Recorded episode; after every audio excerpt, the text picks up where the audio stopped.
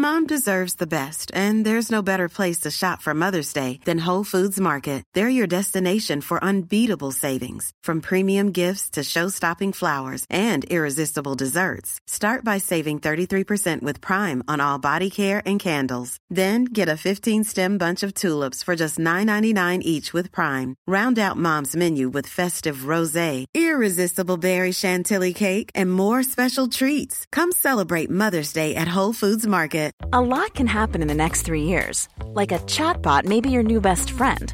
But what won't change? Needing health insurance. United Healthcare Tri Term Medical Plans are available for these changing times. Underwritten by Golden Rule Insurance Company, they offer budget friendly, flexible coverage for people who are in between jobs or missed open enrollment. The plans last nearly three years in some states, with access to a nationwide network of doctors and hospitals. So, for whatever tomorrow brings, United Healthcare Tri Term Medical Plans may be for you. Learn more at uh1.com. Mom deserves the best, and there's no better place to shop for Mother's Day than Whole Foods Market. They're your destination for unbeatable savings, from premium gifts to show-stopping flowers and irresistible desserts. Start by saving 33% with Prime on all body care and candles. Then get a 15-stem bunch of tulips for just $9.99 each with Prime. Round out Mom's menu with festive rosé, irresistible berry chantilly cake, and more special treats. Come celebrate Mother's Day at Whole Foods Market.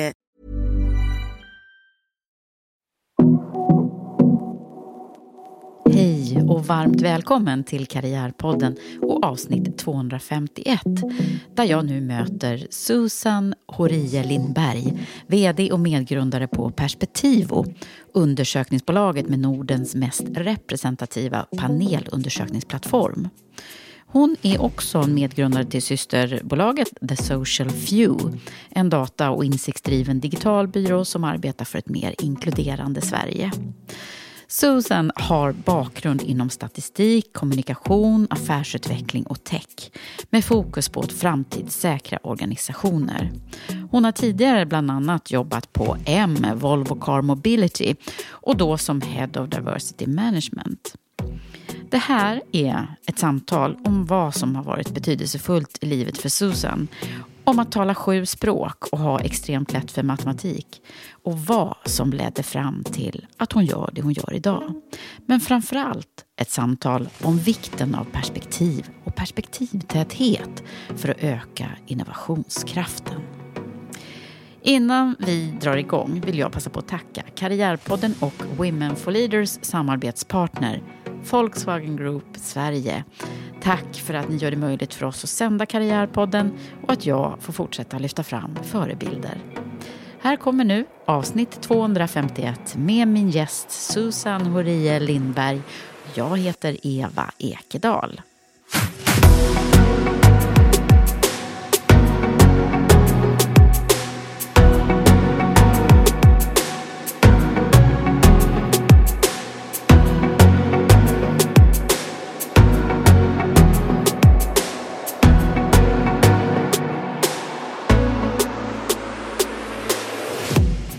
Susan Horie Lindberg. Välkommen till Karriärpodden. Tack så mycket. Nu har jag tränat på ditt namn några gånger, men det gick ganska ja. bra va? Ja, det tycker jag i andra försöket redan. Det är ovanligt. ja, vad härligt, vad härligt. Så kul att du är här. Och det är så här att jag har hört ditt namn ganska många gånger genom åren. Som jag har hållit på och jobbat med det jag jobbar med. Mm. Och vi har stött på varandra kanske lite, men inte så mycket ändå. Mm. Alltså rent, eh, vi har inte träffats många gånger. Nej. Men jag har sett ditt namn och jag har hört talas om dig. Men jag vet ändå ganska lite om dig. Mm. det är nog eh, rätt medvetet. Mm, det är så? Jag är inte jätteprivat. Eller jag är ganska privat. Jag är inte så öppen kring mitt privatliv kanske många gånger. Eh, eller så. Eller med den, vem du är som person. Ja. Så. Däremot så, så, har man ju, det jag har hört då, eh, det är ju väldigt mycket kring det du jobbar med och de frågorna du driver i dina numera två bolag. Mm. Eh, men det var nog när du hade startat The Social Few som jag eh, hörde talas om dig allra första gången. Mm, kul. Ja. Fick du reda på det? Ja, roligt. Ja, nej men och sen har du ju varit med i en massa andra poddar, så att herre min ge. Jag vet inte vilken podd i ordningen det är nu då. Ja, det är en bra fråga. Jag borde veta kan man tycka, men eh, jag, jag vet inte. Jag vet däremot att det fanns en väldigt, jag hade en väldigt poddtät eh, period Ja, det kan man i ha. mitt liv. Ja. Ja, Så, att, eh, så kan det vara. så kan det vara, Mm. ja. Men då om vi nu skulle, tror att vi skulle kunna få lära känna dig lite mer den här gången. Ja, jag tänker vi, vi testar. så får vi se hur det går. Jag tror att vi kommer automatiskt prata väldigt mycket om det du jobbar med. Eller hur? Det kommer Mm. vävas in i din historia. För att jag är ju mest intresserad av att veta liksom, varför gör du det du gör och hur har du blivit som den du har blivit. Mm. Så det, det är det vi ska försöka ringa in. Ja, bara det. Ja. Den lilla länt. Ja, det är två frågor. Ja. Eh, men eh, om vi börjar från början ändå. Mm. Vem är Susan? Oj, oj, oj. Vem är Susan? Eller Eh, vem var hon från början? Ja, ehm, jag var nog en ehm, ganska så ambitiös eh, tjej eh, som barn. Mina föräldrar brukade prata med mig som en vuxen person ganska tidigt i livet. Eh, jag minns att, ehm, framförallt mamma skulle jag nog säga, eh, att ehm, eh, vid, även när jag gjorde fel så, så minns jag att eh, jag fick en, en eh, ganska så pragmatisk reprimand. Eller vad man ska säga. Men jag fick liksom be- berätta till mig vad det var som var, som var fel och vad jag kan göra bättre och så vidare. Och jag, jag tänkte inte så mycket på det då, men som vuxen har jag haft de diskussionerna med mina föräldrar, för att jag har ju en son själv idag. Mm. Eh, och jag har kommit att förstå att, att prata med barn som om de är vuxna är ganska ovanligt. Mm. Eh, men mina föräldrar menade på att de märkte ganska tidigt att, eh, att jag kunde förstå. Att jag behövde eh, liksom, eh, saker och ting förklarat ganska konkret, eh, pragmatiskt och rakt kring liksom, vad, vad, Hur, ja, hur, det saker och ting, ja, Mm. hur det är. Och hur, hur, allt ifrån hur eh, världen eh, upplevdes via deras ögon givetvis. Eh, hur, hur samhället eh, ser ut eh, till ja, men, eh, utmaningar och, och möjligheter och allt vad det nu var. Men väldigt rakt pragmatiskt och, och faktabaserat. Och hur, hur, eh, hur minns du det här då? Jag minns det som ganska behagligt. Ja. Ehm, idag kommunicerar jag ungefär som, som mina föräldrar kommunicerade till mig. Och jag märker nu som vuxen också att de kommunicerar inte så med varandra. Nej. Nej, Okej. Nej och det, det är också eh, utifrån mitt perspektiv då väldigt intressant. Så jag har haft de dialogerna med mina föräldrar som sagt om, om hur det kommer sig att, att tonaliteten är lite annorlunda. Och som vuxen ehm, så har jag ju då fått lära mig att jag har Aspergers. Aspergers syndrom. Okej. Eh, och det eh, kan man ibland, tror jag, höra. Har jag fått jag höra? hade ju inte koll på det, även fast jag har lyssnat på lite poddar där du har varit med och träffat dig. Ja. Det, det, det Jag tror det, det finns ju såklart, det är, en, det är inte många binärt. varianter. Ja, och det finns ju en skala på det. Men eh, det, det förklarar ju ganska mycket. Min pappa är barnläkare, pediatriker. Mm. Så han förstod nog ganska tidigt att jag, jag var ganska understimulerad i skolan. Jag eh, tyckte kanske att eh, det Det var... var lite för lätt. Eller? Ja, Mm. ja faktiskt. Mm. Eh, det var det. Så att jag hittade på en massa, som jag citerar min pappa, så intelligenta hyss. Okej. Eh, jag, jag, jag gjorde inte så här bananskal och sånt där på golv som man kan tänka sig, men jag kunde koda in mig i olika system och intranät och lite sånt där. Du gjorde det? Du var Ja. en hacker på riktigt? Alltså. Ja, på den, alltså, det är ju så enkel hack. Alltså på den, så, det var inte så, så avancerat, men eh, det var ju så jag lärde mig. Mm. Jag tyckte det tog slut i skolan. Det var liksom, okej, då har jag lärt mig för månaden på den dagen. Och sen så vill jag utvecklas. Så att jag var ju väldigt eh, nyfiken och min nyfikenhet eh, men tog uttryck på olika sätt. Givetvis. Så tog sig uttryck via, jag men läste mycket, jag analyserade mycket. Min pappa var väldigt mån om att jag skulle bli eh, läkare som han. Ja, han ville många, det såklart. Ja, det är klart. Som många föräldrar eh, från Mellanöstern eh, vill. Ja, var, var, var är han ifrån? Min pappa är från Syrien, min Mm. mamma är från Makedonien. Mm. Så att eh, båda akademiker och, och var väldigt måna om att jag skulle då bli det också. Eh, men läkare skulle jag bli. Jag tycker än idag medicin är otroligt intressant. Så du Eh, hade kunnat bli det? Jag hade kunnat bli det, men jag, den här interpersonella biten var kanske inte lika intressant för mig. Jag hade kunnat bli kanske kirurg, jag tycker det är väldigt roligt. Eh, Mm. En rolig tanke, jag hade kanske till och med kunnat bli en forskare. Eh, men mitt intresse för matematik var ju mycket större. Mm. Eh, Men hur var medicin. din skolgång då? då med, med, om du nu var lite understimulerad, Ja, nyfiken ja. och då inte den här diagnosen då eller? Ja, jag hade inte det då, nej. Hur det var? Jag gick på Rosengårdsskolan i, eh, i Rosengård i Malmö. Mm. I Malmö. Eh, och trivdes bra på så vis att jag hade... Eh, min nyfikenhet stillades väldigt mycket av att omringas av människor som inte var som jag. Mm. Jag tyckte det var väldigt spännande med, med, nya, med andra kulturer. Det var inte nya, men andra kulturer, andra språk. Ja, jag har hört att du pratar sju språk. Jag pratar en del språk, ja. Det gör jag. Alltså det är helt otroligt. Och det är det som jag tycker är det absolut bästa med att komma från Rosengård. Jag lärde ut matte på, min, eh, liksom på fritiden. Jag tyckte det var väldigt roligt, så jag jobbade extra som mattelärare för att tjäna in pengar för att köpa TI-83-or. Och det är en slags räknare som man har på gymnasieskola oftast. Men det är så himla bra även på, på, i grundskola, tycker jag. Jag tycker att man bör eh, använda dem i, tidigare, för det är så, så bra hjälpmedel.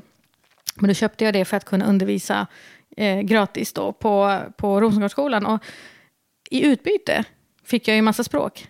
Ja, ja, för då undervisade du de andra med andra nationaliteter. Ja, ja visst. Och jag var ju alltid väldigt öppen om att eh, har du någonting som du tror att jag skulle tycka var intressant att lära mig, så lär mig det. Eh, och som barn tyckte jag det var helt normalt. Det var liksom inga konstigheter. Idag förstår jag att det kanske var lite annorlunda approach. Men jag, det uppskattades av alla, alltså runt omkring. För att jag som sagt, det var alltid ett utbyte. Eh, Och lärarna, de tyckte också, gud vad bra, henne kan vi ha användning av. Eller? Ja, alltså vissa lärare mer än andra. Eh, jag, jag minns jag träffade, det här är så konstigt i och för sig, men väldigt roligt. Jag träffade en lärare eh, när jag flyttade till Stockholm. för det gjorde du sen. När var det då? Det var, jag flyttade till Stockholm 2007. Precis. Och jag kanske träffade den här läraren, jag tror jag, 2009. Jag minns att det var eh, vid eh, Slussen, vid Scandic där uppe. Då var det någon, någon eh, ståhej i, där och, och bara kommer fram. Och han kände igen mig och jag hade honom när jag gick i tvåan alltså, vill jag säga. Jag var åtta år gammal. Tvåan till fyran, så då var man åtta till tio. Då kom han fram till mig och sa, jag minns dig. Jag bara, men gud, jag minns dig, men varför minns du mig? Jag menar, du har haft många eh, så. Ja, Han bara, jag minns att avtryck. Ja, han sa, du, jag minns att du satt läng, alltid längst fram, hade alltid handen i luften och ville alltid ha mer, liksom. Lära dig mer. Eh, och att eh, du tyckte att, eh, liksom att bli ut, tyckte om att bli utmanad. Så, men, men okej, testa mig igen, testa mig på det där. Det, det minns jag, jag minns bara inte att jag bad honom göra det. Så, men han mindes det. Ja. Eh, Det var lite roligt. Och det väl- härligt att han kommer ihåg dig. Ja, Ja. jag tänker gud, han måste ha tänkt den där. Eh, jag undrar vad hon gör idag. Eh, men jag, men, jag var nyfiken på det viset, att jag, jag vill liksom ut, utforskande, så men vad kan, vad kan jag lära mig om jag vänder mig här, så att säga. Och kan jag liksom ge någonting tillbaka? Och det var ju så enkelt för mig att ge matematik. Ja, Det kom för så det var naturligt. matte som det du har lättast för. Ja, jag tror jag skulle nog säga, på, om, på tal om språk, det är nog det språk jag, alfabet jag kan det, det bäst. ses ju som ett språk. Ja. Ja, Mm. och det är väldigt eh, behagligt språk för mig tycker jag. Men är det så, eh, förlåt min okunskap, men eh, om man har Asperger, att man, har, att man, att man är som en helhetsbegåvad, att man har en hög intelligenskvot eh, generellt sett, eller? Jag tror inte att eh, Aspergers man syndrom är ett lika med ett hög Nej, intelligens nej. per se. Nej. Eh, däremot så ser man att det skiljer sig aningen mellan kvinnor och män. Eh, vilken slags, alltså hur det ter sig, så att säga, hur det tar Mm. sig ut i praktiken. Och kvinnor tenderar att vara mer sociala. Så den sociala intelligensen är, är dessutom lite högre. Man, Mm. är ju, man ser människor i större utsträckning i ögonen till exempel när man pratar. Mm, just det.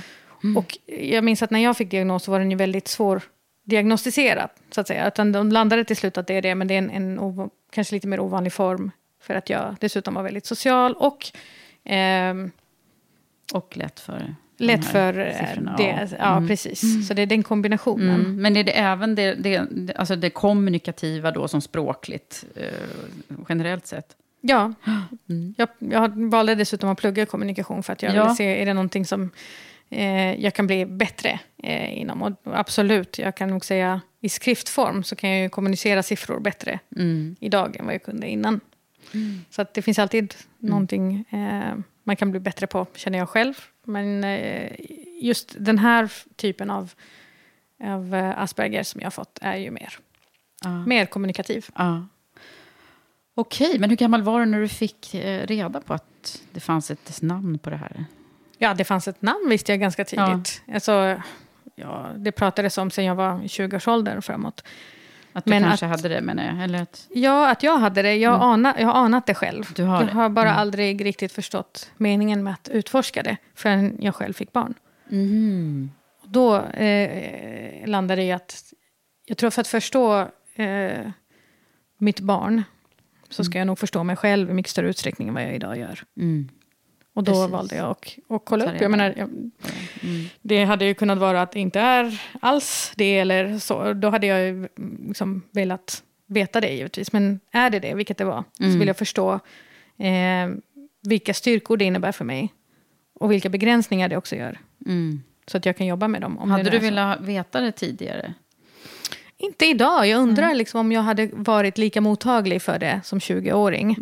Eh, och vad det hade gjort med min utveckling och min liksom, självbild. Mm. Idag är jag så trygg i mig själv. Mm. Jag kan ju... Jag vet inte, jag, jag berättade för en vän häromdagen att jag har aldrig känt mig så, så bra och trygg i mig själv. Eh, var en, alltså att kunna vara mig själv fullt ut, mm. som jag gör idag. Eh, så att, jag vet inte riktigt Vad härligt om... att du sitter här nu då. Ja, vilken bra timing du ja. fick mig här då, att komma hit och prata om mig själv. Ja. Nej, så jag, jag, jag, är inte säker på att det hade varit lika bra Nej. om jag hade fått veta det tidigare. Nej. Jag tänker också det, att det kan, ibland det, kan det vara... Ah, varför ska man sätta... Liksom, det blir ju ytterligare på något sätt en, en, eh, att sätta folk i fack. ja, sätt. absolut. Det kan vara mm. hämmande kan jag tänka mig för mm. unga människor mm. som kanske inte helt har landat i sin egen Nej, jag. Det kan vara liksom kanske både lättnad och, mm. och hämmande. Så det är både på gott och ont kanske. Mm. Men du, då är man ju nyfiken på, vad drömde du om att du skulle bli när du var, när du var liten? Eller när du gick i skolan och växte upp där i, i Malmö? Mm. Jag har nog, eh, som sagt, jag har ju blivit uppfostrad till att bli läkare. Det, du drömde om det själv också eller? Jag vet inte riktigt om det var, alltså det är så svårt för mig att prata i terms, in terms av eh, drömmar. uh -huh. eh, jag ville vara, alltså i grund och botten vill jag liksom göra någonting bra för andra människor. Det tänkte jag redan som barn. Att mm. Det finns ju så mycket, jag menar, sitter man med kunskap och, och, och liksom den här nyfikenheten. Och så, jag, jag, har alltid haft en bild av att jag kan bidra. Mm. Oavsett vem man är som individ. Mm. Så är man, det finns ett, ett, citat som jag tycker är så fint. att Om du är en person, nu kan jag inte den exakta eh, liksom, ord, ordagrant. Men om du är en person som kan göra någonting för någon annan så är du aldrig värdelös. Nej, precis. Så. Mm. Och det, jag, jag, var ju, det var ju det jag ville göra. Sen om jag gjorde det via liksom, medicin eller annat så, så var det det jag drömde om. Men jag minns att, att äh, jag gick i, äh, jag var åtta, det hände mycket när jag var åtta, vet du. Mm. eh, där hade jag precis gått från att eh, gå från, i en så här förberedelseklass, för jag är inte född i Sverige. Flyttade Nej, när jag var fyra. Hur gammal var du? När, fyra? fyra. Mm. Mm. Till att gå i en vanlig klass. Och då hade, träffade jag en vän som jag kom, som inte bara kontakt med, men som är min bästa vän idag. Och då satt vi bredvid varandra och då så gick vi liksom en runda. Eh, vad vill du bli när du blir stor? Mm. Mm. Och då gick vi runt och då eh, frågade de min vän Mahyad. Hon sa att jag vill bli president. Eller dylikt. Mm. dylikt. Ja. ja. Och, eh, och jag sa att jag ville bli läkare. Och jag hade en, eh, så, gick det runt så var det en, en eh, vän som sa att ja, men jag vill eh, bli eh, fru eh, och bli en mamma och bo i en gård nära min mamma. Okej, så. det var lite olika så. det där. Man kan säga att nästan... Drömmar. Mm. Att alla drömmar har mer eller mindre besannats förutom de min. Som jag, jag blev inte läkare, jag ville då, jag gjorde någonting annat som, som drömmar utvecklades. Men min vän blev ju diplomat oh, och blev, liksom, utvecklade det så att säga, den riktningen hon har velat, jobba med mänskliga rättigheter och, och så. Jag blev då exakt det jag, jag ville med matematiken och min vän som hon gifte sig blev eh, mamma och bor i en gård Ah. nära sin egen mamma och såklart gör massa väldigt viktiga saker på sitt jobb. Men det var liksom det som var kärnan. Ja. Jag tycker det är så fascinerande hur, hur, hur viktigt de där stunderna är. Även om man är åtta ja, eller hur? så har man en sån bild. Ja. Eh, Och det man, jag brukar säga det ganska ofta i, i såna här program och grejer, som vi, ledarprogram och så som vi har. Att om man uttalar Mm. sina mål eller drömmar, då ökar ju sannolikheten med 100 procent att de blir, san, blir sanna. Mm, jag tror, eh, intressant med 100 procent. Nej, det vet jag inte. Det kanske man inte kan säga till dig förresten, Jo. statistik vet Jo. jag inte om det är rätt. Det kan man, men det, det är spännande. Ja. Jag tror det kallas för nu för tiden för affirmation eller något sånt där. Som man Ja. eh, tycker är, ja. Och det ligger väl någonting i det. Det handlar ju, skulle jag gissa på, att ens egna inställning till Ja, liksom, att den, den stärks ju om man... Ja, men och sen det. kanske man också ser hur omgivningen reagerar. Om jag säger att jag vill bli läkare, om, om de bara säger "Mm", och ser positiva Ja. ut och, och bejakande, då kanske man Exakt, tänker att det är möjligt. Ja. Nu är nog inte det möjligt för min del, men det, det är ändå så här eh, häftigt tycker jag. Jag brukar alltid fråga, eller jag vet inte om jag alltid gör det, men ofta frågar jag om det där barn, liksom, de tidiga drömmarna om karriären. För, Ja. Och det, det är ganska ofta som det ändå låter som att det har varit, det finns nycklar där Mm. som, som betyder saker för oss. Yes. Vad finns det mer för någonting innan vi lämnar den här tidiga åren som du tror har präglat dig då? Som, både vad gäller val och, och den Mm. du är idag. Ja, alltså, det som har präglat mig, alltså, jag vet inte om det är mest, eller, men det är topp fem i alla fall, eh, är, eh, trots att mina föräldrar eh, är akademiker, ehm, om man nu ska vara lite krass, även högpresterande. Mm. Vad jobbar mamma med? Mamma var ju, blir ju, fick sin domarlicens precis innan vi flyttade till eh, Makedonien. Men i Sverige så jobbade hon med barn, alltså på förskola. Hon trivdes väldigt bra med det, så hon var inte så missnöjd. Eh, men hon fick ju såklart börja om. Men, Hon fick börja om med studierna, eller? Ja, delvis med studierna, men hon behövde inte gå hela eftersom Nej. hon inte blev förskolepedagog. Utan det, det hette väl dagisfröken på den tiden och då behövde man inte ha en högre utbildning för att bli Nej. förskole. Alltså så. Jag jobbar på, jag tror dagis heter det då, det gör det inte längre. Mm. Vilket är bra. Eh, men, men hon var ju domare i grunden. Eh, advokat, gick från jurist till advokat till domare. Jobbade hon aldrig som det? I Sverige, nej. Sverige? Eftersom helt andra lagar och Mm. då får man verkligen gå om alla. Ja, okej. Och det, att flytta till ett nytt land, ta hand om två små barn, eh, hålla sin egen, vad ska man säga, hålla ihop det. Mm. Alltså både sin egen eh, liksom, eh, psykiska hälsa och allt vad det nu innebär som kommer med att flytta ganska så dramatiskt från ett land till ett annat. Mm. Eh, hon eh, var ju nöjd och glad med att hon fick jobba. Och gör, jobba med barn, för hon älskar barn. Så att, eh, men jag tänker trots detta Mm. eh, så fick mina föräldrar inte en ärlig chans. Riktigt. Nej. Eh, och som barn att se hur mycket ens föräldrar behöver kämpa. Och redan som barn förstod jag att de saker de kämpade med var ju helt onödiga saker att kämpa med. Varför ska man göra det? Det finns ju så mycket de skulle kunna göra om de inte hade behövt gå igenom alla dessa eh, Svårigheter. svårigheter som det innebär att komma från ett annat land Mm. eh, till Sverige. Jag menar, idag vet vi att det tar sju år för en person att få ett första liksom, jobb Mm. eller liksom, sysselsättning i Sverige. Och sju år är väldigt lång tid. Mm. Onödigt. Och det är trots, om, trots liksom, eh, vad ska man säga, utbildning eller, eller what not, att man har med sig, så är ju, tar det ju väldigt många år. Ja. Och så ska det inte vara. Och redan då förstod jag att det är liksom någonting Mm, så står det inte här till. har, har präglat dig. Verkligen. Och det här hittar vi kanske drivkraften till att jobba med det du gör. Verkligen. Mm. Det är en, en eh, röd tråd, Mm. kan man säga. Och jag hade många diskussioner med pappa där jag lyfte också, så, men hur kan det, hur kan det vara så? Kan det, fin, finns det liksom siffror som visar det? Liksom, jag var alltid intresserad av det. Och då såg jag ganska tidigt att eh, det finns väldigt lite siffror kring eh, hur många svenskar, nysvenskar eller inte, så att säga, upplever sina, sitt, sina liv eh, och de behov som kommer med det. Mm. Vi vet ju alldeles för lite. Om, om hur man Ja. har det och hur man mår. Och, Ja. Mm. Och där någonstans så tänkte jag, men gud, förstår du att, ha, att kunna använda siffror för att berätta människors öden och liv, liv och behov och, och allt vad det nu innebär. Det är klart att man måste kunna göra det. Och vad, vad gör man det? Hur kan man göra det? Jo, men statistiker gör ju det. Då kan man använda siffror till att göra just det. Så när kom du på då att det var statistiker som var en av de här grejerna som Ja. du skulle jobba med? Till mina föräldrars förtvivlan så kom det under gymnasiet. Ja, det gjorde det. Ja. Då landade jag att, nej men herregud, det, det faller ju mig så naturligt också.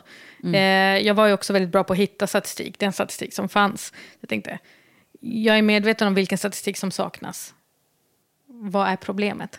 alltså, Lite kaxigt sådär. Det är klart att, att, eh, att det måste kunna gå att ta fram. Och hur gör man det på bästa sätt? Och så. så det har varit en resa. Jag har ju både liksom jobbat med digitaliseringsprojekt och sånt där. Så det har kommit mycket emellan. Så att, säga. Statis- att vara statistiker kan betyda väldigt mycket, har vi lärt oss. Eh, Men eh, i grund och botten så, så har alltid det jag har gjort bottnat i nyfikenhet kring andra människors utmaningar, skulle jag säga framför allt, som inte kommer fram. För jag, jag har lärt mig, och jag vet det idag inte minst när jag jobbar med det jag gör, att så fort man kommunicerar och det, den liksom informationen kommer ut, så finns det oftast det finns oftast en mottagare av detta som vill ta det och göra någonting bra med det. Om du förstår vad jag menar. Men finns, inte, har, finns inte den tillgången, då finns ju aldrig möjligheten. Nej, just det. Så Nej. den möjligheten ville jag skapa. Mm. Och skapa statistik som inte fanns då. Ja. När började du med det då egentligen? Ja.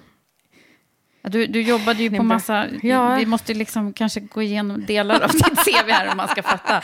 Eh, Ja, gud, den långa CVn. Ja, medan jag eh, pluggade så fick jag eh, kontakt, eller vad ska jag säga, jag blev kontaktad. Det kanske heter headhuntad nu för tiden. Det gör det. Det är Ja. sånt jag håller på med, du vet, också. Precis. Eh, av ehm, min eh, chef då, som han blev, Piotr. Eh, Hej Piotr, om du lyssnar på det här. En får shout du out till passa dig. på att Ja. hylla de som Ja. hyllas bör. Mm. Eh, de, han var intresserad av att få in en person på Western Union då. Eller han var intresserad av att ta in flera personer som talade både serbokroatiska eller, och eller talade arabiska. Och jag råkade tala båda två.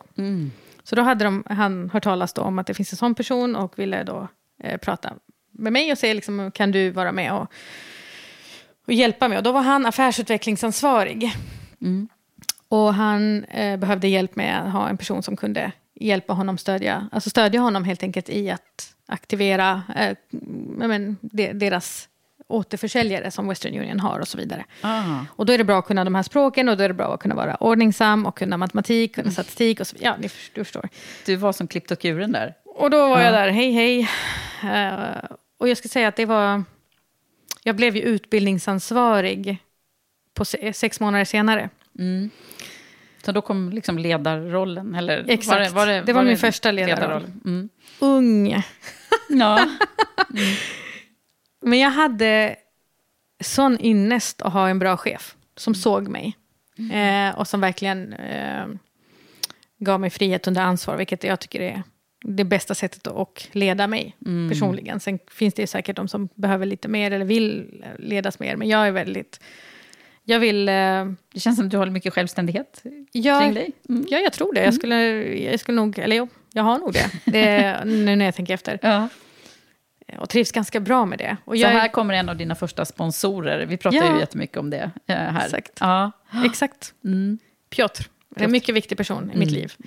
Även, eh, finns det väldigt många även innan och efter.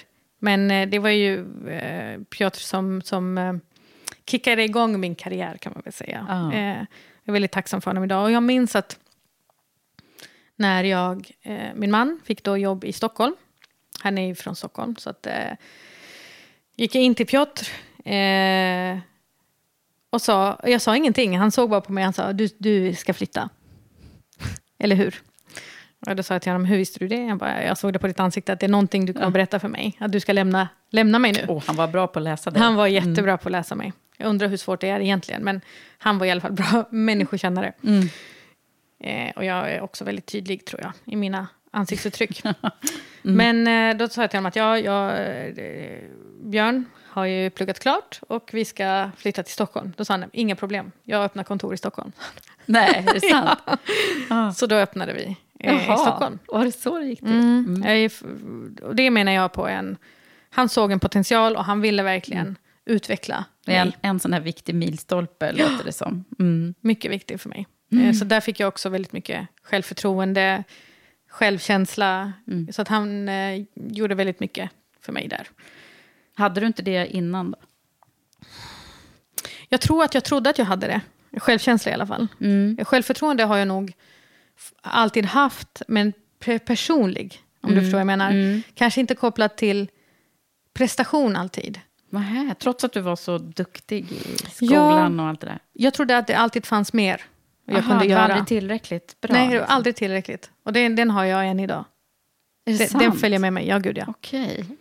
Det finns alltid Annars skulle man kanske inte ha gissat av den här första stunden du har pratat om, om din uppväxt och att Mm. du hade det ganska lätt för dig i skolan. Så, så kanske man skulle kunna tro att det också finns en, så här, bara, "Ja, men det här är jag bra på. Mm.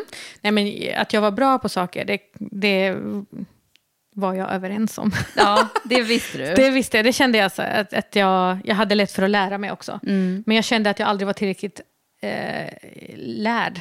Det finns ju alltid Nej, någonting mer och det finns alltid också. eh, högre Mm. nivåer och det finns så. Mm. Så att på så sätt, men jag, jag är än idag ganska så självsäker i, i, det att jag vill jag lära mig någonting så kommer jag göra det. Mm. Det, det är så. Mm.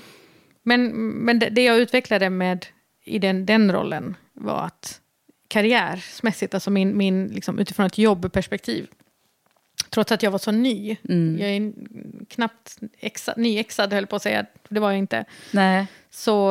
för du hade inte gått färdigt då, eller hur var det? Nej. Nej, precis när jag skulle börja min utbildning.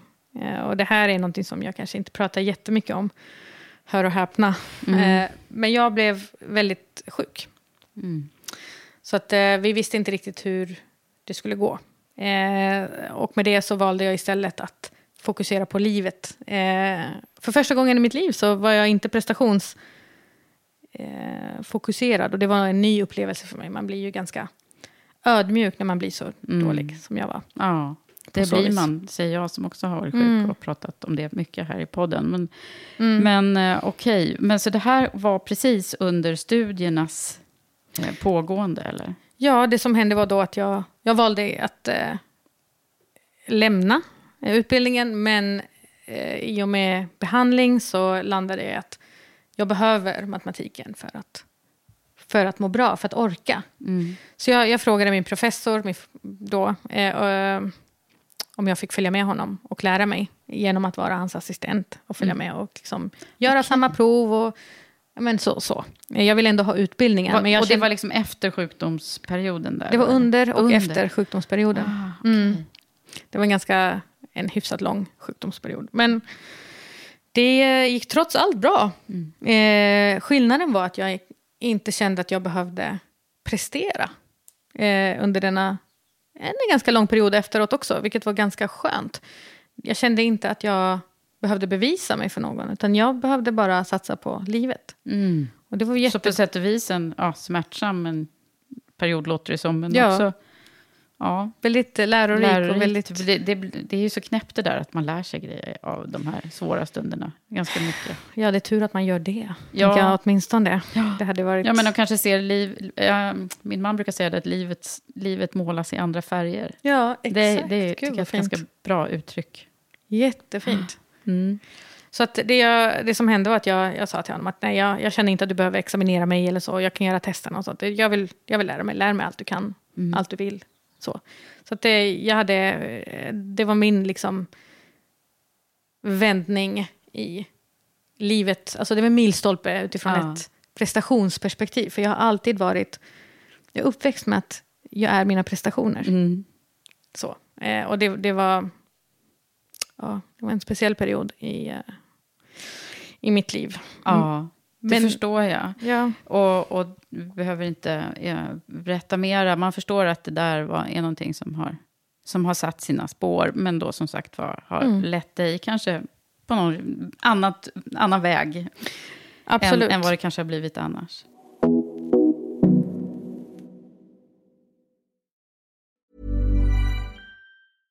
How would you like to look five years younger? In a clinical study, people that had volume added with Juvederm Voluma XC in the cheeks perceived themselves as looking five years younger at six months after treatment. Look younger, feel like you. Add volume for lift and contour in the cheeks with Juvederm Voluma XC. Reverse signs of aging by adding volume to smooth laugh lines with Juvederm Volure XC. For important safety information and to find a licensed specialist, visit juvederm.com. That's J U V E D E R M.com. Not for people with severe allergic reactions, allergies to lidocaine, or the proteins used in Juvederm. Common side effects include injection site redness, swelling, pain, tenderness, firmness, lumps, bumps, bruising, discoloration, or itching. There's a risk of unintentional injection into a blood vessel, which can cause vision abnormalities, blindness, stroke, temporary scabs, or scarring. Talk to a licensed specialist to find out if it's right for you.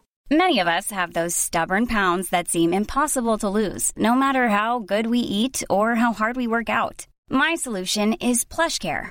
PlushCare is a leading telehealth provider with doctors who are there for you day and night to partner with you in your weight loss journey. They can prescribe FDA-approved weight loss medications like Wagovi and Zepbound for those who qualify. Plus, they accept most insurance plans. To get started, visit plushcare.com slash weight loss. That's plushcare.com slash weight loss. Hey there, it's Michelle Norris. I'm host of a podcast called Your Mama's Kitchen. When I travel, I'm usually looking for a way to find a taste of home when I'm not at home. And one of the things I love to do when I am at home is entertain. And Airbnb allows me to do that. When I was in California recently, I rented a house that had a great kitchen. And when we were sitting around the table, we we're all thinking, we're in someone else's house. Someone could be in all of our homes as well. If you have a home, but you're not always at home, you have an Airbnb. Your home might be worth more than you think. Find out how much at airbnb.com/slash host. Everyone knows therapy is great for solving problems, but getting therapy has its own problems too, like finding the right therapist, fitting into their schedule, and of course, the cost. Well, BetterHelp can solve those problems. It's totally online and built around your schedule. It's surprisingly affordable too. Connect with a credentialed therapist by phone, video, or online chat, all from the comfort of your home. Visit betterhelp.com to learn more and save 10% on your first month. That's BetterHelp, H E L P. Hey, it's Ryan Reynolds, and I'm here with Keith, co star of my upcoming film, If, only in theaters, May 17th. Do you want to tell people the big news? Right, I'll do. Sign up now and you'll get unlimited for $15 a month in six months of Paramount Plus Essential Plan on us. Mintmobile.com slash switch. Upfront payment of $45 equivalent to $15 per month. Unlimited over 40 gigabytes per month. Face lower speeds. Videos at 480p. Active Mint customers by 531.24 get six months of Paramount Plus Essential Plan. Auto renews after six months. Offer ends May 31st, 2024. Separate Paramount Plus registration required. Terms and conditions apply if rated PG.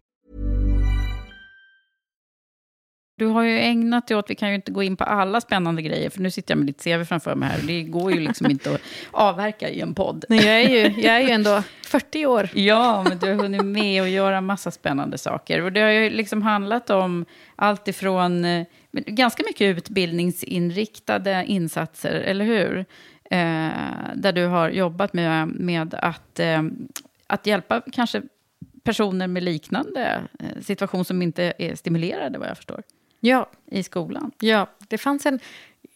En av mina intressen är att... Eh, och det här må låta också väldigt roligt, nu när jag tänker efter. Ibland så, så hör jag på det, i hur det låter i mitt huvud, så tänker jag, hur kommer det här låta när det kommer ut huvudet? Äsch, strunt i det Ja, ja, jag säger som det är. Men jag tycker att det är kul att eh, göra så här överlappningsanalyser av hur samhället ser ut, vilka utmaningar som finns, vilka lösningar som finns. Och, och så därefter kan man ju se vad saknas det för lösningar Mm. för de stora problem som finns.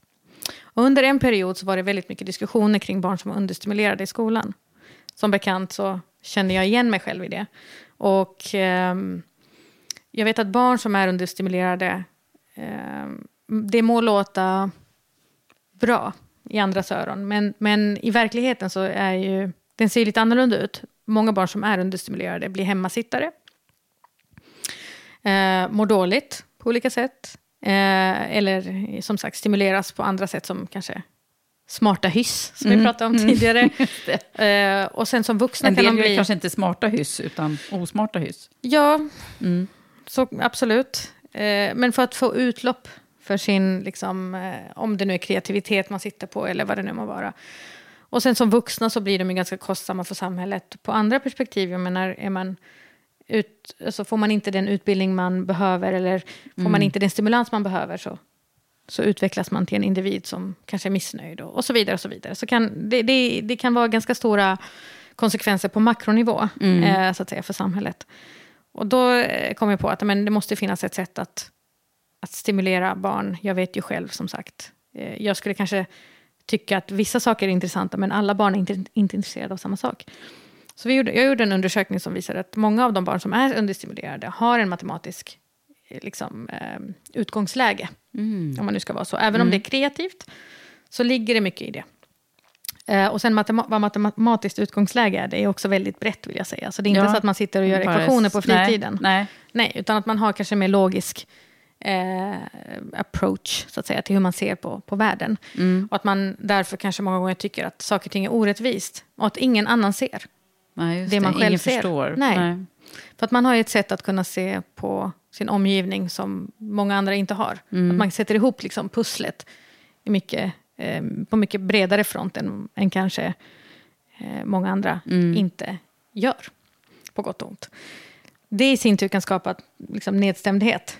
Just För det. samhället Och ser inte så himla bra ut alla och gånger. vi- hela spiralen är igång Ja. då. Mm. Så det, jag bestämde mig då att ja, men jag, det finns ju sätt att utveckla, ut, utveckla en plattform eh, för att eh, hitta intressen hos barn som är understimulerade och som sen kan eh, använda plattformen för att få utlopp Mm. för det man inte får. Var det här första företaget Ja. som du började bygga? Ja, Mm. det var det. Och det var ju ett väldigt roligt projekt, väldigt nära till hjärtat, så att säga, projekt eh, såklart. Eh, och efter det så... efter det så blev jag eh, gravid Mm. med min son idag, Hannes. Och valde då att under tiden jag, givetvis, jag kan inte bara vara gravid, jag kan inte bara vara mammaledig, finns inte. Nej, såklart. Så det jag gjorde att jag pluggade kommunikation. Mm. Det var då du gjorde det. Vad, vad, vad, vad fick dig att göra det då? Men jag tyckte det var så himla roligt att driva bolag. Eh, och det finns ju, fanns ju hur mycket siffror som helst som jag tog fram. Både liksom som, som var rela, direkt relaterade till vad jag sysslade med. Och vad vi sysslade med. Men också till samhället i stort. Men jag visste liksom inte riktigt hur jag skulle paketera dem. Och kommunicera. För jag, jag, jag tänkte för mig själv så här, förstår du om andra får veta det du vet? eh, så då, då tänkte jag, men kommunikation kan aldrig vara fel att lära sig. Nej. Så att, är en eh, utmärkt kombo. Ja, det visade sig faktiskt vara det. Så jag är väldigt, väldigt glad, glad och stolt över att ha gjort det idag. Ehm, så det var det. Och under tiden jag pluggade blev jag, eh, nej, jobbade jag på en byrå. Där vi jobbade mycket med varumärkespositionering och sånt där. Och, och så. Och under den tiden så jobbade jag också som krishanterare. Jaha. Ja, det här är en, en rolig period. En av de roligare, roligaste skulle jag säga, perioder. Jag älskar kris. och inte krisen i sig per se, utan Nej. mekanismerna bakom. Ah. Jag tror att jag, jag har också... Eh, det här är någonting jag nämnt förut också många gånger, men att jobba med kris gör att man lär känna en situation, en mekanism, en organisation, en individ på ett så djupare plan, ganska så snabbt. Man får liksom en, en eh, shortcut. Det får man ju. ja. Mm. Och det i sig eh, gör det så oerhört mycket mer lärorikt. Mm. Det är spännande också att se vad, som, vad, hur, vad är det för... Otroligt. Vad, vad tar vi för ställning och vad händer med oss som människor? Exakt. Och går man in i de me- mekanismer så får man ju faktiskt tillgång till det, liksom den här hemligheten kring hur man skapar mekanismer som gör att man aldrig behöver hamna där igen. Det här med förebyggande Ja, så att säga, förhållningssätt. just det. Så att, eh, jag jobbar mycket med att först och främst ompositionera ett bolag. Eh, och det kan jag, jag är jätteglad för mina statistiska kunskaper och, och matematiska. Det tycker jag det var liksom det som behövdes, tyckte jag, där. Eh, utöver det kommunikativa. Men också när man väl är ompositionerad. Mm. Hur skapar man strukturer, processer och så vidare för att aldrig hamna där igen? Och då måste du veta roten. Innan du vet hur du ska gå tillväga för att skapa de Ja. eh, mekanismerna. Så det tyckte jag var jättespännande. Så det höll du på med där. Mm. Ja. Det tyckte jag var roligt. Och sen blev jag kontaktad av Bergs. Vad gjorde du där då, på Bergs? På Bergs jobbade, eh, i och med att jag under den här kris eh, peri- hanteringsperioden, jag jobbar fortfarande med det, så jag, jag får fortfarande den typen av förfrågningar, jag tycker det är superkul. Ehm, så upptäckte jag att väldigt hög andel, 78 procent av alla case jag jobbar med, ganska så exakt. ja, för att vara, för att prata i majoritet och så, eh, bottnade i att man saknade perspektiv när de beslut som orsakade krisen fattades. Brist på perspektiv i rummet. Oftast var det väldigt homogent. Man förstod inte vad som kunde gå snett. Det För- här perspektiven kommer in. Exakt. Och det är där som egentligen Som det jag gör idag. namn på bolaget som du nu driver. Ja, exakt. Ja. Exakt, så det går lite hand i hand där. Men där eh, insåg jag att ja, men, eh, det som många säger eh, kallas mångfald, så att säga. Även om man i praktiken såklart förstår det, det är bra med olika perspektiv, så var ju det så hands-on här. Det var så himla tydligt. Att hade ni haft någon som har den kompetensen, den bakgrunden, den språkkompetensen och så vidare, och så, vidare så hade ni aldrig hamnat här. Nej. Och många gånger så hamnar man i kris så faller en aktie om man är ett stort bolag som dessutom är på börsen. Så att det kan ju ha Är det väldigt direkt stora konsekvenser. kopplat till lönsamhet och... Väldigt. Och det är det som många tror inte riktigt förstår, upplever jag. Eh, att det behöver inte gå till så här överhuvudtaget. Nej. Var, var, var det då liksom... Eh, poletten ramlade ner för dig också? Att här, här finns det ett problem? Ja, absolut. I liksom professionella... Ja. Sen, utifrån ett samhällsperspektiv har jag upptäckt, eh, upptäckt det ganska mycket tidigare. Men nu eh, liksom utifrån ett eh, företags or, liksom, organisationsutveckling och, och tillväxt och så vidare. Och det perspektivet, absolut. Det var så tydligt. Och det här är hur många år sedan? Fem år sedan? Eller mer? Ja, det var nog, eh, jag ska säga, vad kan det vara, 2016, 2017? Ja, det var fem, sex år sedan. Ja. Då, men visste du då att jag kommer att driva ett företag som heter Perspektivet? Nej, det var ju då ungefär som jag startade The Source for Few. ja. Och det, det var ju också mycket mm, på grund av det jag sett. Och det, initialt var det en tankesmedja. Och syftet med det var att utveckla huret i det som många kallar för då, mångfald och inkludering. Jag, jag ville gärna att vi skulle gå från eh, det här mjuka, det här... Inget fel på det, men jag ville inte att vi bara skulle prata eh, om det utifrån ett hjärtefråga. Det var alltid några, några eldsjälar i något bolag som tyckte att det här var viktigt. Utan att man förstod liksom de reella utmaningarna, men också möjligheterna, som sagt, eh, med mångfald och inkludering. Så att säga. ja. Om man gör det bra så kan det få en väldigt fin effekt. Om man gör det mindre bra så kan det på relativt kort sikt faktiskt göra ganska mycket skada. Om man nu ska vara lite. Precis. Och, och om du skulle bara sammanfatta superkort vad The Social Few, för det här är ju ett av bolagen som du fortfarande är, är aktiv i, fast det, du är inte vd längre. Nej, det är jag inte. Eh, där. Du kan inte vara det överallt. Nej, tack Nej, och lov. Det tackar Utan vi det är medgrundaren för. som är det Yes. nu. Mm. Det är David som är eh, vd på eh, The Social Few idag. Och The Social Few var initialt då, som sagt en tankesmedja. Och då jobbade vi med att, ta fram modeller som inkluderande infrastruktur till exempel eh, kom från tankesmedjan. Och det vill säga, det är en modell som vi har tagit fram som visar hur en organisation, oavsett var någonstans i organisationen man befinner sig, hur man jobbar med att säkra att det finns en inkluderande infrastruktur i respektive del, avdelning eller hur man nu är fördelad. Ett exempel är att om man pratar kommunikation, då ska man inte prata inkluderande kommunikation. Det ska vara by default. Ja, Idag okej. vet man att om man sysslar med kommunikation som inte är inkluderande så är den ineffektiv. Det är liksom ganska så, så här, alltså krasst på så vis. Ja, Idag ser verkligen. ju, framförallt om man, jag skulle säga oavsett om man jobbar globalt eller om man jobbar i Sverige, men eh, bara i Sverige så är vi ju mer heterogena i många bemärkelser än USA som till exempel är uppbyggd av, av im- immigrants. Ja, de är, ju, de är ju eh, det från början kan man säga. Ja, och nu är vi i det så att säga. Och, Ja. det, Och det har vi in, inte kanske alltid landat i. Och det ser man i kommunikationen och det ser man också i effekten av den kommunikation man gör. Mm. Så att det finns en direkt koppling till effektiv kommunikation och inkluderande kommunikation. Som Mm. idag bara bör jämnas ut och kallas kommunikation. Just det, mm. vi inte prata om inkludering överhuvudtaget. Det vore Nej, väl... inte inklu- alltså, det är klart att man ska prata om inkludering, men jag tänker som en kommunikatör, Mm. eller som en säljare, eller som en eh, HR-chef, eller what not, så bör man ha det i sina egna processer, så att säga. Inte som ett lager på befintliga processer. Nej, just det. Nu ska vi vara inkluderande också, utan det ska vara Exakt. integrerat i. Exakt. Mm. Ja, vi börjar väl kanske komma dit, eller? Jag tror vissa, absolut. Eh, vi, jag är jätteglad att se att det finns faktiskt vissa som anammat det och som visar väldigt goda resultat. Sen är ju såklart, det finns ju en hel del att göra kvar Fortfarande. fortfarande. Mm.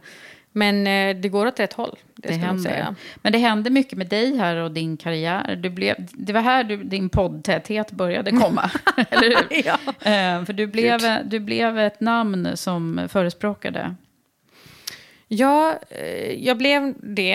Eh, därav tror jag att jag blev kontaktad av Bergs namn. Usch, det är så här eh, intressant fenomen bara det. Men eh, ja, jag, jag blev inbjuden till att berätta lite mer om, om hur, vi, eh, hur modellen ser ut och, och vad man skulle kunna göra, hur man implementerar det i bolag och så. Sen träffade jag som sagt David. Davids perspektiv är ju mer en growth marketing perspektiv. Han utvecklar datapunkter som gör att man når minoritetsgrupper i Norden som ingen annan i Norden har lyckats göra. Så Nej. att han, de datapunkterna gör att vi når med väldigt, väldigt hög precision den grupp som är allra svårast att nå. enligt Som många. det är väldigt många andra inte, som inte kommunicerar med överhuvudtaget. Exakt. Eller når fram till. Exakt. Så när vi gick ihop 2019 blev vi, gjorde vi om The Source View till ett bolag. Men däremellan så eh, blev jag kontaktad av Volvo Car Mobility. Det kallades M då. Eh, Nu, kallades, eh, nu kallas det för eh, Volvo On Demand. Mm, precis. Yes. Var det Bodil Eriksson som Ja. var där då? Åh, Jajamän. Hon är mentor i våra ledarprogram. Ja, vad roligt. Ja, det kan jag tänka mig. Att hon är bra sådan också. Jag minns att vi hade en... Och det här satte lite grann ribban för mig. Jag var medveten om att under den period så skulle man ha... eh, Det var precis i begynnelsen i liksom det här med att man skulle ha en diversity manager och så vidare liksom i branschen. Alltså överhuvudtaget i, i, inom svensk näringsliv. Och då, Mm, det är så här, vi, oj, vi är dåliga på det här. Vi Ja. måste ha någon som sköter det här med diversity. Ja, men exakt. Och jag, det jag noterade var att många gånger så var det personer som, som fick ganska stort ansvar med väldigt lite mandat, kanske ingen budget och så vidare. Och det var lite så. Det var jag inte intresserad av, eh, utan jag ville liksom vara någonstans där jag kan göra påverkan. Men när jag träffade Bodil, jag minns det första hon sa, det här är inte en intervju, det här är ett samtal. Sa hon det? Ja. Fantastiskt. Eh, och sen sa hon, då, då sa jag, men Bodil du, jag har det här som heter The Social Few vid sidan om. Så att jag, jag, skulle nog, jag kan inte vara på M i 100%. Jag vill syssla med, med The Social Few vid sidan om och kanske köra 40-60. Då 40 på Social Few, 60. Hon tittade på mig och hon bara, vet du vad? du kommer vara hos oss 100% och så får du syssla med The Social Few hur mycket du vill. Ja, eh, sån var hon. Eh, Ja. och då sa hon, för att jag ser absolut synergier. Vi behöver Gud, också Few i, eh, i, på M. Ja. Det, det du gör där behöver jag här. Så att du får testa på här hur mycket du vill. Eh, om det är så. Vilket jag också fick göra. Så att jag är väldigt eh, tacksam över den tid jag hade på M. Och jag var också väldigt noga med att säga att jag kommer nog inte stanna här många, många år. De som känner mig väl vet att jag är ganska rak och ärlig. Ja, Så. ja. Det ingår också i din profil. Det ingår eh, lite grann i, vem jag är. Ja. Eh, och så att jag kommer eh, göra det jag ska göra här. Sen kommer jag lämna, för jag har planer på att driva eget. Eh, så jag, jag tror att jag, det jag gör här kommer jag kunna göra många, på många andra ställen. Tillsammans med andra kloka människor. Så det var det jag gjorde 2019. Ja, men vad häftigt. Men och, när, under de här åren då på Volvo, vad kunde du se eh, att du kunde bidra med? Vad hände där? Ja, men först och främst så, jag har ett datadrivet approach till hur, det här som, som inkludering så att säga. Jag tycker det är intressant att titta på eh, strukturer. Vilka rörelser ser vi? Vad beror de på? Ehm, så att man tweakar, oh här funkar det inte. Då kanske vi behöver ha andra perspektiv för att kunna optimera. Så att optimeringen liksom, tycker jag är ganska spännande. Men det jag märkte ganska snabbt är att när det kom ut att eh, M, som är det här nya spännande bolaget då, var, vi var 40 personer när jag kom in. Mm. Är så kul. Ja. Ehm, då gick, spreds ordet att nu har M ett, en Head of Diversity Management. Då fick vi se helt andra ansökningar. Och i ansökningarna så var det så här, vi har hört, jag har hört att ni har en... Du menar ni nådde ut Ja. till, till grupper som ni inte hade nått till annars? Ja, det var ju Eller väldigt som- attraktivt Ja. eh, att jobba som det var. Men också att vi fick ju de som dessutom var från andra länder Mm. och som var så här, Uff, eh, det här måste vara ett progressivt bolag som har Mm. Så det här. det skickade signaler. Yes, och det var väldigt roligt. Mm. För jag fick, vissa förfrågningarna var också så här, ja, men jag, jag är intresserad av att komma på intervju. För vi, vi växte jättesnabbt där. Ehm, och då var det personer som vanligtvis aldrig skulle svara på en LinkedIn-förfrågan av en talent acquisition-person. Det är oftast utvecklare som var väldigt... Precis, som var svåra att få tag på. Ja, som hör av sig. Så jag kan tänka mig komma på intervju. Då vill jag gärna att den här Head of Diversity Management är med på intervjun så jag kan ställa lite frågor. Okej, så du började jobba i mitt skrå där, lite med rekrytering typ? Ja, faktiskt. Det, var lite, det var väldigt lärorikt för mig. Ja. Att inte bara tänka liksom, nu ska vi göra en undersökning. Utan eh, så här, nu är vi i eh, en rekryteringsförfarande. Ja. Eh, vilka frågor ställs? Vilka, liksom, eh, jag ska säga, vilka bekymmer lyfter man? Så här, man kanske, jag, skulle, jag skulle inte vilja komma till det här. Jag skulle, för man, man kan ju ställa krav, har vi märkt ju. När personer är väldigt efterfrågade. Det är intressant att höra vilka krav, vilka önskemål. ehm, så det var otroligt, otroligt lä- lärorikt. Och jag fick massor med frågor. Men hur mäter ni det här? Hur, hur säkerställer ni att det är helt bias-free? Eller fördomsfritt? Hur Ja. säk- alltså, Så du lärde dig också frågor. en massa här då om eh, vilka typer av frågor som var relevanta eller viktiga då? Absolut, utifrån ett medarbetarperspektiv. Ja. Mm. Så intressant. Jag jobbade väldigt nära HR och talent acquisition. Mm. Och sen så eh, givetvis de andra också. Eh, Men eh, jag var extra nyfiken på det som jag kunde minst såklart. Ja, men vad bra. Vilken, vilken bra läroresa du, du fick till, även om du inte har planerat den. För det har Ja. du inte, eller hur? Nej. Nej, det, det här kommer vi, det kommer vi väldigt ofta in på här. Att det, det, många tror att man planerar sin karriär, Absolut. men det, det händer nästan aldrig att det är så. Nej. Men, men, och sen så fick du ännu mer perspektiv då, Mm. att ta med dig själv in i ditt bolagsbyggande. Yes. Och det var oerhört nyttigt. För jag tror att det hade absolut inte sett ut som det gör idag. Om inte det vore för att jag hade en, en liten detour till eh, M. Nej, precis. Så det, det är jag väldigt glad för. Eh, Jag hade till exempel inte haft en tanke på att jobba nära HR. Nej. Jag ska vara ärlig och säga det. Det, det var liksom inte min, mitt område. Jag är inte HR-expert på något du sätt. ville Jag, sitta bredvid CFO. ja, eller eller, kanske affärsutvecklingschef, eh, Ja. eh, eh, ja, CEO, nära så att säga övergripande organisationsutveckling kanske. Men inte lika mycket HR. Mm. Men eh, det lärde jag mig är oerhört viktigt. Också en otroligt underskattad, eh, vad ska man säga, eh, disciplin Jaha. och kompetens. Eller Så hur? oerhört Och vad glad jag blir att du säger det nu. I och för sig, för jag, ty- jag tycker att jag hör ju lite till HR-skråt själv. Men också eh, så vet jag att det är många HR-chefer som, som är så viktiga och som Gud, betyder ja. så mycket för affären men som, som på något sätt ändå inte blir uppskattade för det. Absolut. Oj, oj, oj. Jag har suttit i situationer där det har varit så självklart att HR-personen, eh, oavsett chef eller inte, har haft rätt. Alltså har varit, varit så liksom tydligt att det är den här riktningen vi ska gå och sen så avfärdas det för att man kanske inte, alltså man inte riktigt ser, framförallt i, kanske inom vissa branscher mer än andra, HR som, en, eh, som det en HR-avdelning är. Och det är hjärtat i organisationen. Så att det är Så bra beskrivet tycker jag. Ja, vad kul. Nej, men jag, jag hoppas verkligen att det förändras. Jag, jag har sett att Det det, där har är gått också lite intressant mer. om man kopplar till styrelserekrytering som jag jobbar en del med. Ja. så är det ju väldigt sällan som vi får en, en, ett uppdrag där vi så här, söker någon med HR-bakgrund. Det, Det är det händer nästan aldrig. Och jag har så många kompetenta HR-chefer som jag vet är intresserade av styrelseuppdrag. Ja, men, Eh, och, det, och de är affärsinriktade och de liksom jobbar med, såklart med helt företagsledningsperspektiv. ja, men det är klart. som de kan ta med sig in i styrelserummet. Det är intressant. Ja. Mm. Jag måste ju få diskutera det du jobbar med nu.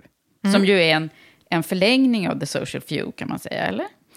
Ja, man kan säga att det vi, eh, på The Social Fuel så sysslade vi med både aktivering, det vill säga att vi nådde ut till minoritetsgrupper och spred information och så vidare som behövdes komma ut, men som inte gjorde det alltid per automatik, som till exempel vaccinationsinformation och så vidare. Mm. Men å andra sidan så jobbar vi också med insikter, med data och undersökningar. Mm. Och det är just det benet som vi har tagit ut från The Social Few, Ja. som då är en konsultbolag till ett techbolag som idag är Perspektivo, för att vi har utvecklat en egen digital eh, panelundersökningsplattform. Mm, som samlar insikter Ja. på ett bredare perspektiv. Då. Ja.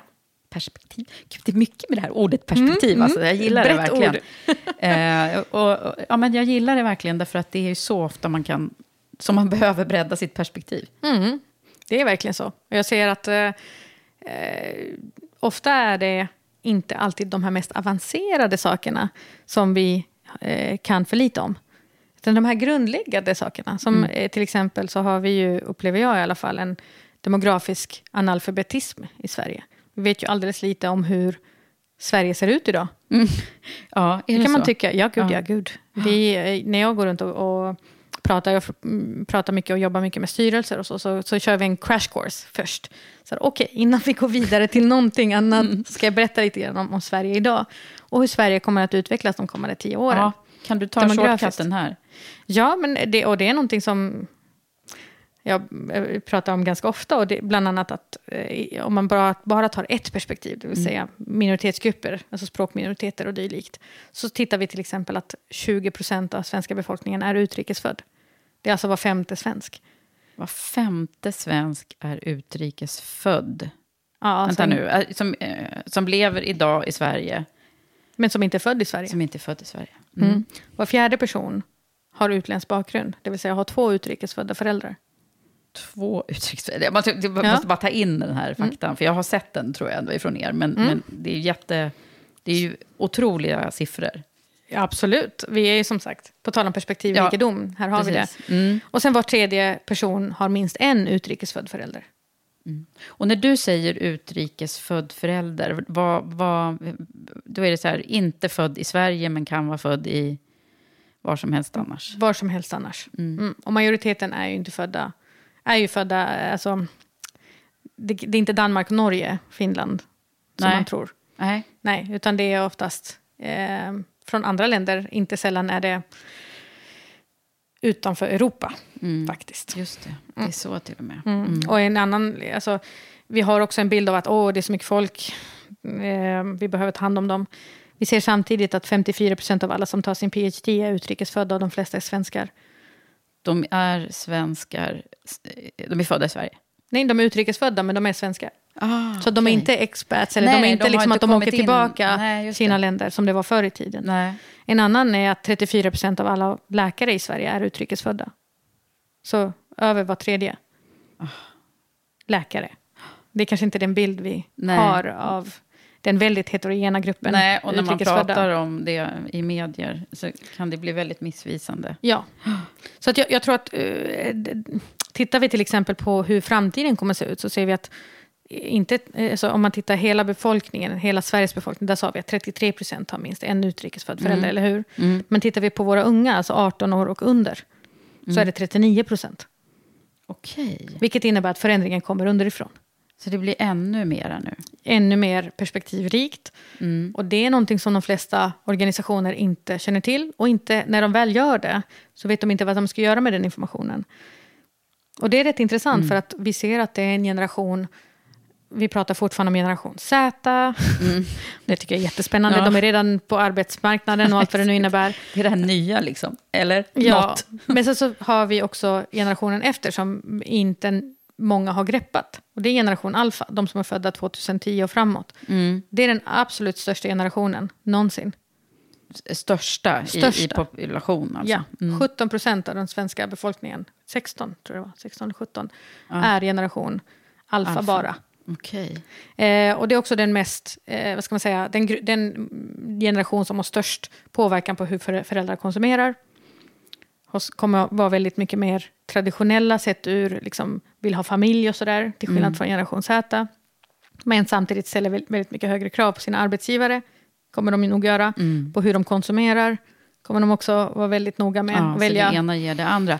Men du, om man skulle liksom dra det här till... Eh, vad jag har förstått så har ju du en tes om att den här perspektivtätheten, alltså om vi blir bättre på det så ökar vår innovationskraft. Mm.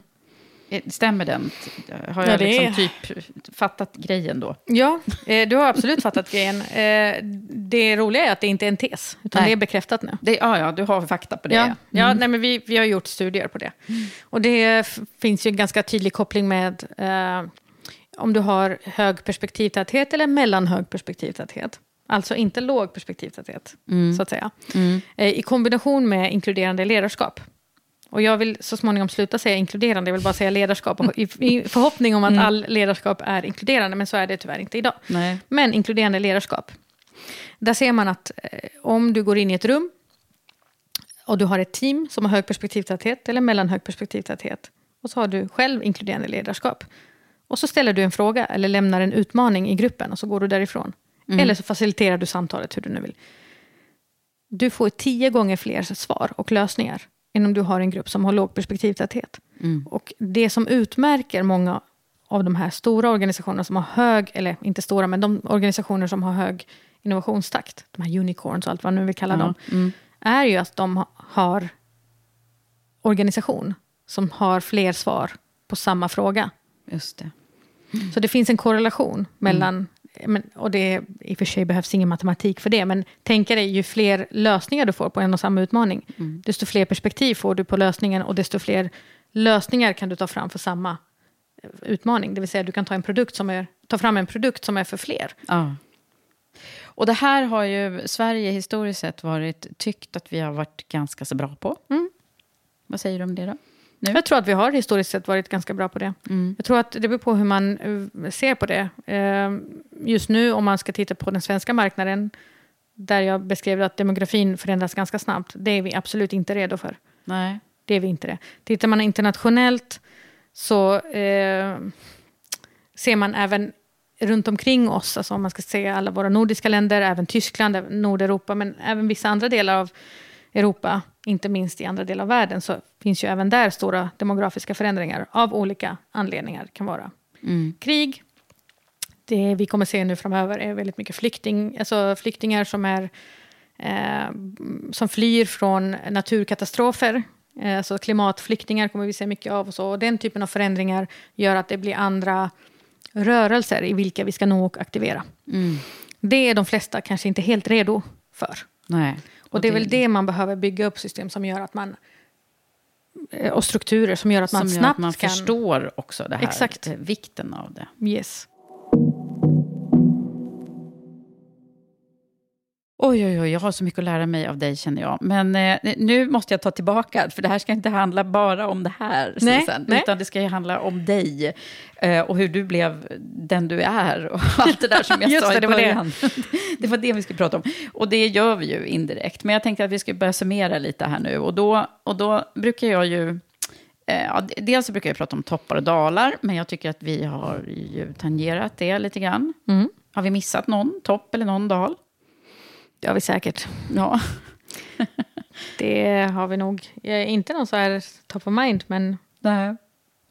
Men då tycker jag att vi ger oss på den frågan som min samarbetspartner Volkswagen Group Sverige skickar med till alla mina gäster. Så ska du också få den. Eh, och det roliga är att tidigare så handlade den om inkluderande ledarskap. Men nu kul. har vi bytt då senaste eh, perioden. Så att det handlar ju nu om hållbart ledarskap. Mm. Och det är ju något som också ligger på allas läppar, eller hur? Mm. Eh, Just nu. Eh, Och då är vi intresserade av, vad ser du som hållbart ledarskap? Och vad är det viktigaste en ledare behöver göra? Och då tänker jag att du ska koppla det till dig själv. Mm. Jag tror att hållbart eh, innebär i grund och botten någonting som ska hålla länge givetvis. Någonting som ska orka hålla länge, som, som ska finnas länge och må bra under tiden. För att om man mår bra som organisation, som medarbetare och så vidare, så finns man ju längre. Eh, så jag skulle nog säga generellt sett att det är ett ledarskap som möjliggör alla runt omkring en. Och deras eh, utveckling och tillväxt.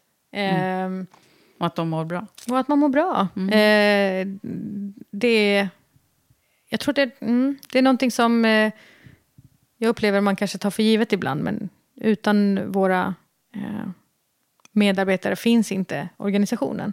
Så att hållbart, eh, se till att alla mår bra, eh, att alla får utvecklas på det sätt man önskar Mm. utvecklas. Jag tror den här frågan som jag gärna ställer till mina kollegor och, och medarbetare och så är ett, hur vill du bli kommunicerad till? Alltså bara en sån sak. Hur, Mm. hur vill du att jag ska... Var vill du att jag kommunicerar till dig? Så. Eh, hur vill du att jag inte ska kommunicera? Alltså, så, så att man är liksom tydlig kring det. För att också som en chef som då har Aspergers. Mm. alltså så, eh, så, så, så be- känner jag att jag behöver liksom... Så du frågar dig, dina medarbetare? Ja, men det gör jag. Mm. Och sen det det, jag, gjorde jag ju dig här nu innan också. ja, exakt. Lite åt det Och det tycker jag är, är hållbart bara det. Det är därför det här samtalet är så bra. Men jag, jag, jag tror att, att lämna över, eller vad ska man säga, jag är i, i in the business of asking other people om vad de tycker. Jag jobbar med undersökningar. Ja. Jag tror att det är oerhört viktigt att stanna upp och inte eh, utgå från att man vet, så att säga, som ledare för att man har erfarenhet sedan tidigare, utan man alltid uppfinner sig själv på nytt och ställer den frågan. Mm. Hur vill du ha det?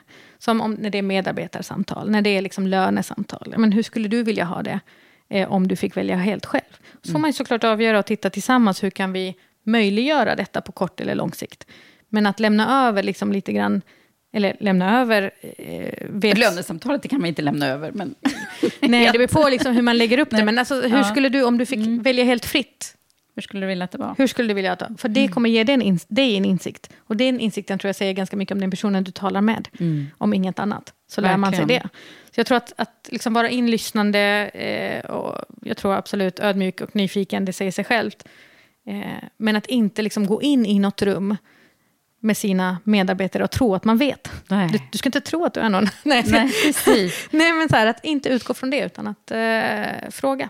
Mm. Har du haft såna här människor runt omkring dig som har varit så här bra ledare också? Absolut. Mm. Jag har ja, vi har haft- nämnt några här nu. Men det finns en person som du kanske inte har nämnt, som jag hörde dig prata om innan om podd. Ja, Dan. Eh, det var en, en, en pappa till någon. Ja. Mm. Det var en av... Eh, när jag jobbade som privatlärare, extra då som jag beskrev, för att kunna köpa de här 1083orna. Mm. Eh, då la jag ut en annons på Blocket. På Blocket. Yes. Då var det så. Jag var så himla fascinerad vad man kan lägga ut en annons på Blocket och säga att ja, men, eh, jag är bra på matematik.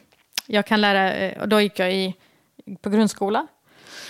Och eh, skrev att jag kan matte A, B, C, D och E.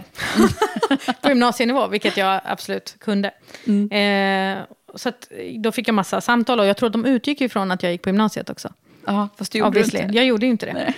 Så att eh, det, Dan hörde av sig och ingen liksom frågade men hur, vilken årskurs går du? Utan man utgick från att säger man att man kan det så kan man det oavsett så. Vilket jag kunde. Och då blev det, fick jag ibland eh, men samtal från vissa områden som var mer socioekonomiskt starka. Eh, där de ville ha en, en eh, privatlärare för sitt, sina barn eller sitt barn. Och då bodde du i Och då bodde jag i Rosengård. Mm. Och då var det ibland en bil som kom och hämtade mig och lämnade mig. eh, I, var- och de tyckte det var spännande att komma ut till mig och hämta. Eh, men Dan eh, var en av de eh, pappor som hörde av sig. Till skillnad från, alltså, jag har haft fantastiskt bra upplevelser av det här. Det här var också väldigt lärorikt för mig på många sätt. Att komma liksom ut och ja, men, få nya intryck och nya perspektiv. Så. Eh, Dan, Perspektiv. Ja, verkligen. Eh, det, du ser, det finns en tråd. Ja. Men Dan, förutom att han då att, jag, att han möjliggjorde såklart att jag kunde köpa 1083 år så ehm, såg han mig. Jag tror att han var också fascinerad av att jag var så ung. Givetvis först och främst. Bara med, Han, han, jaha, går du bara på grundskolan? Ja, och jag menar herregud, jag, jag är 1,58 idag, jag var ännu kortare då. Så det var ju så många faktorer som spelade in där. Ja. Eh, det, det måste ha sett ganska roligt ut. Men då så ehm, ehm, såg han mig och, och var väldigt... ehm, han pratade med mig också som en vuxen. Ja, alltså så. Eh, och eh, tills, efter liksom att vi har haft några lektioner så sa han, du jag... Han var vd då på ett försäkringsbolag, eh, visade sig, eh, Dan. Eh, och han ville, undrade om jag ville ha ett sommarjobb. Och då fick jag jobba extra som arkivarie. Jaha, Att ha arkivarie. ordning och reda. Ja. På, så fick jag ta liksom pappersinformation, eller information på papper, över till dator. Det är monotont, men jag tyckte det var så roligt. perfekt. Det var så perfekt. Det var ordning och reda. Ehm, och samtidigt fick jag liksom lära mig. De menar de jobbar med försäkringar. Det var, inte, det var jätteintressant. Men Bara det här var liksom- också en person som, som såg dig. Absolut. Han var, eh, jag ska säga, det finns några personer som var nyckelpersoner i mitt liv. Och det är Dan, då, eh, i den åldern. Sen var det Piotr, när jag fick komma in i karriären. Bodil, sen när jag liksom levlade och landade i liksom vad jag ville absolut syssla med. Så idag är det... Eh, jag har ju några som jag... Som idag dessutom är investerare i perspektiv och som är väldigt eh, viktiga och, och väldigt nära som jag är väldigt glad för att jag har i mitt liv. Och det är ju Maha, som jag tror har varit på den här podden det tidigare. Maha Eh, Maha här. Boseid. Eh, Tony Inisham, som är också en fantastisk människa. Eh, och som en förebild, åstadkommit massor. Så att han är en sån person också, precis som Maha, att man ser att kan de så kan jag. Den typen av, av människor, eh, och som dessutom är otroligt ödmjuka och så. Men Sen- det är ju det här med liksom ta rygg på varandra och, och boosta, eller hur? Pay Verkligen. it forward är ju i och för sig vårt nyckelord i, i Women for Leaders. Och så det anammar de kan jag säga, i allra största utsträckning. Alltså det är helt fantastiskt. Sen har vi Anna Schauman som också ehm, är en fantastisk människa som är mentor till mig. Eh, jag har också Katarina Berg som är mentor till mig, som jag ser väldigt mycket upp till. Också så här HR, men så här HR superstar. Ja, verkligen. Som, alltså, otrolig människa.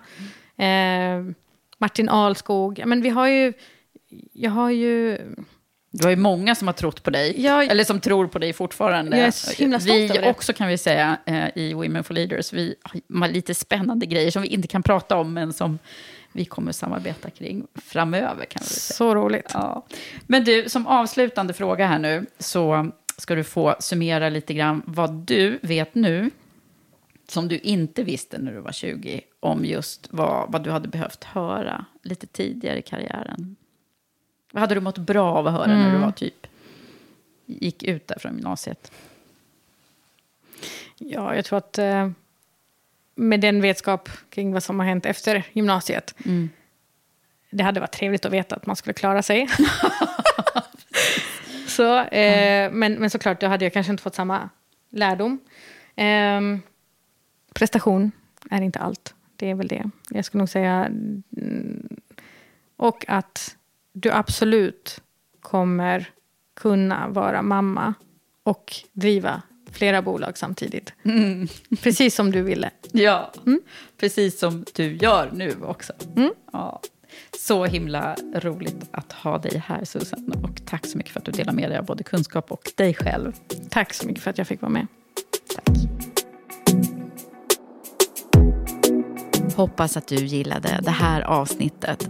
Stort tack till dig som har lyssnat på mig och min gäst Susan Horie Lindberg. Nu är ju Karriärpodden inne på sitt tionde verksamhetsår och vårt syfte är fortfarande detsamma. Vi vill se fler kvinnor i ledande positioner och bolagsstyrelser och fler kvinnliga ägare och entreprenörer. Vi jobbar i alla våra verksamheter, Women for Leaders, Karriärpodden och EQ Executive Search med att driva utvecklingen mot ett mer jämställt och hållbart näringsliv genom nätverk, ledarskapsutveckling, rekrytering och genom att lyfta fram inspirerande kvinnor vi möter längs vägen och genom att lyfta fram de ämnen som möjliggör ett jämställt arbetsliv och ett modernt ledarskap. Men nu släpper vi snart vår digitala plattform som är en digital språngbräda för alla som vill utvecklas oavsett var i karriären du befinner dig. Kom och fira med oss på lanseringsfesten den 25 maj. Så se till nu och följa oss i sociala medier och prenumerera på podden om du inte redan gör det så missar du inte när det här händer. Det var allt från mig och Karriärpodden den här gången. Men vi hörs snart igen.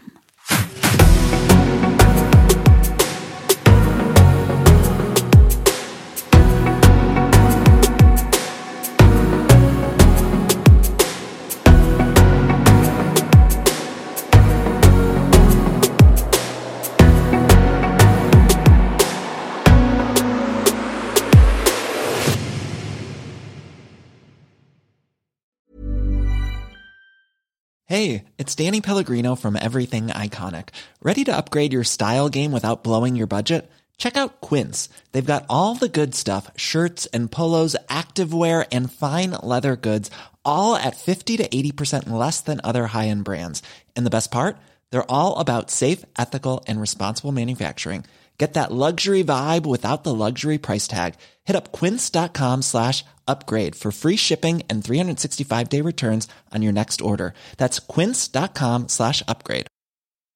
Hi, I'm Daniel, founder of Pretty Litter. Cats and cat owners deserve better than any old fashioned litter. That's why I teamed up with scientists and veterinarians to create Pretty Litter. Its innovative crystal formula has superior odor control and weighs up to 80% less than clay litter. Pretty Litter even monitors health by changing colors to help detect early signs of potential illness. It's the world's smartest kitty litter. Go to prettylitter.com and use code ACAST for 20% off your first order and a free cat toy. Terms and conditions apply. See site for details. Mom deserves the best, and there's no better place to shop for Mother's Day than Whole Foods Market. They're your destination for unbeatable savings, from premium gifts to show-stopping flowers and irresistible desserts. Start by saving 33% with Prime on all body care and candles. Then get a 15-stem bunch of tulips for just $9.99 each with Prime. Round out Mom's menu with festive rosé, irresistible berry chantilly cake, and more special treats. Come celebrate Mother's Day at Whole Foods Market.